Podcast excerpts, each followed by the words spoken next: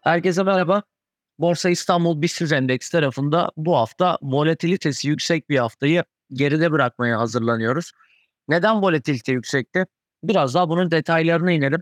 Hafta sonu biliyorsunuz kur korumalı mevduatla ilgili bir haber akışı gündemi fazlasıyla meşgul etmişti. Bu haber akışının etkilerinin Borsa İstanbul tarafına nasıl yansıyacağı fazlasıyla merak konusuydu. Türkiye Cumhuriyet Merkez Bankası tarafından bankaların menkul kıymet tesisi uygulamasında yapılan değişiklik ile vadesi gelen kur korumalı mevduat hesaplarını standart Türk lirası mevduata dönüştürme hedefi getirilmişti.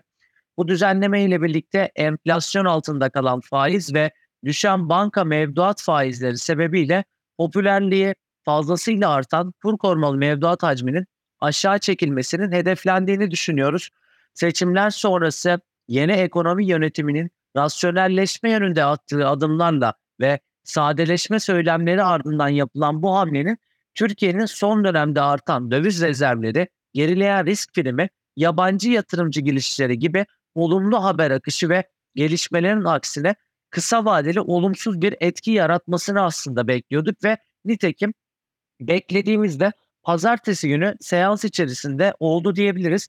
Bu düzenlemenin bankacılık sektör karlılığını baskılayabileceğini düşünüyoruz. Çünkü mevduata yönelimin artma beklentisi ve olası mevduat faizlerinin yukarı hareketiyle birlikte risksiz getirilerin enflasyona yaklaşması kısa vadeli Borsa İstanbul tarafından para çıkışlarını hızlandırabileceğini düşünüyoruz. Tabii ki e, şöyle söyleyelim burada para politikası kurulunun da kararı fazlasıyla merakla bekleniyordu. Bunlar kısa vadeli fiyatlamalar olduğunu yayının başında söyledik ve bu izlenimlerimiz aslında para politikasının politika faizinin %25 olduğu, %17,5 e, olduğu günlerdeydi ve tamamen dünkü Türkiye Cumhuriyet Merkez Bankası faiz kararına fazlasıyla odaklanmıştık. Çünkü beklentiler 250 bas puanlık bir faiz artışı olması yönündeydi ve bu faiz artışının da aslında bu duruma çok fazla e, kur korumalı mevduat tarafından mevduata yönelimi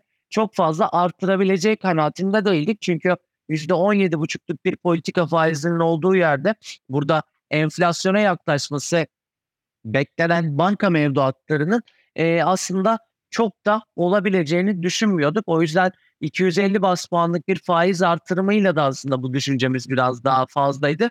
Fakat Türkiye Cumhuriyet Merkez Bankası başkan yardımcıları atamaları ardından yapılan ilk faiz kararında bizim ve konsensus beklentinin 250 bas puan olduğu toplantıda faizi 750 bas puan arttırarak sürprize imza attı ve politika faizini burada %25'e çekti. Karar metnine bakacak olursak kur korumalı mevduattan TL'ye dönüşümle alakalı da bazı mesajlar verildi.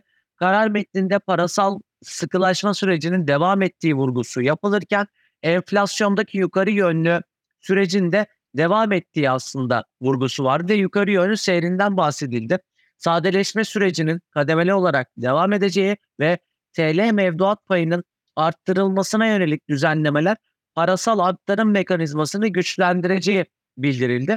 O yüzden buradaki yapılan faiz arttırımı da mevduatlar tarafındaki yukarı yönlü seyrin olabileceği beklentisini oluşturdu.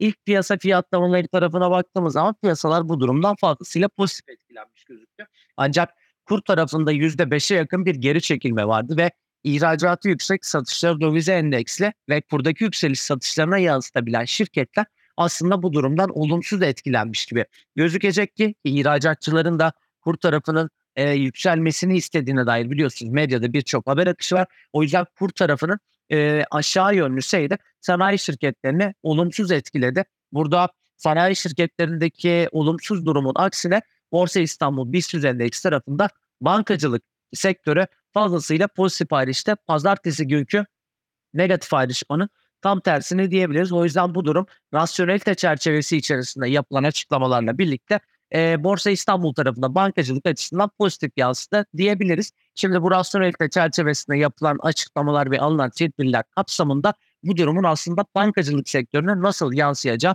fazlasıyla konuşulacak ve bu durumun fiyatlamaları Borsa İstanbul tarafındaki fiyatlamalar arasına dahil olacak gibi gözüküyor. Eee, neler var? Önümüzdeki hafta neler var? Aslında önümüzdeki haftadan ziyade Jackson Hole toplantısı başladı. Bugün Türkiye saatiyle saat 5'te Jackson Hole Sempozyumunda FED Başkanı Powell sunum yapacak.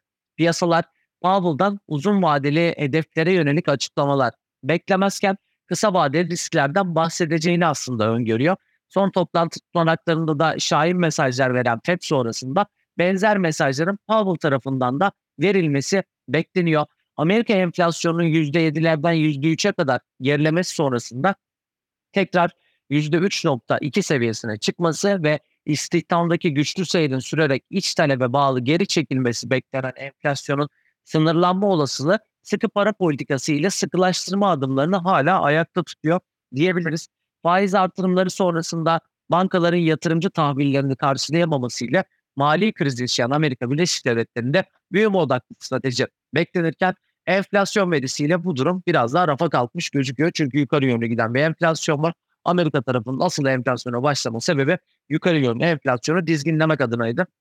Önümüzdeki haftada Amerika'da tarım dışı istihdam, ortalama saatlik kazançlar ve öncü büyüme verileri açıklanacak. Tabi burada Fed'in tutumu da fazlasıyla merak konusu. Eylül ayında anketler Fed'den %80 oranında faiz artışı beklemiyor. Faizlerde bir değişiklik öngörülmüyor.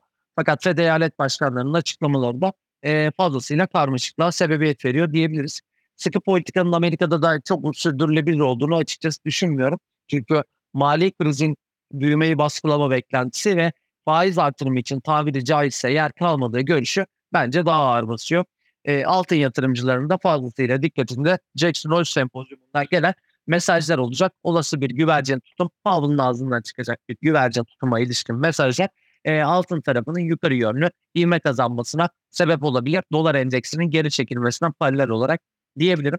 E, benim bu haftalık sizlere aktaracaklarım bu kadar. Herkese sağlıklı günler, iyi seanslar diliyorum.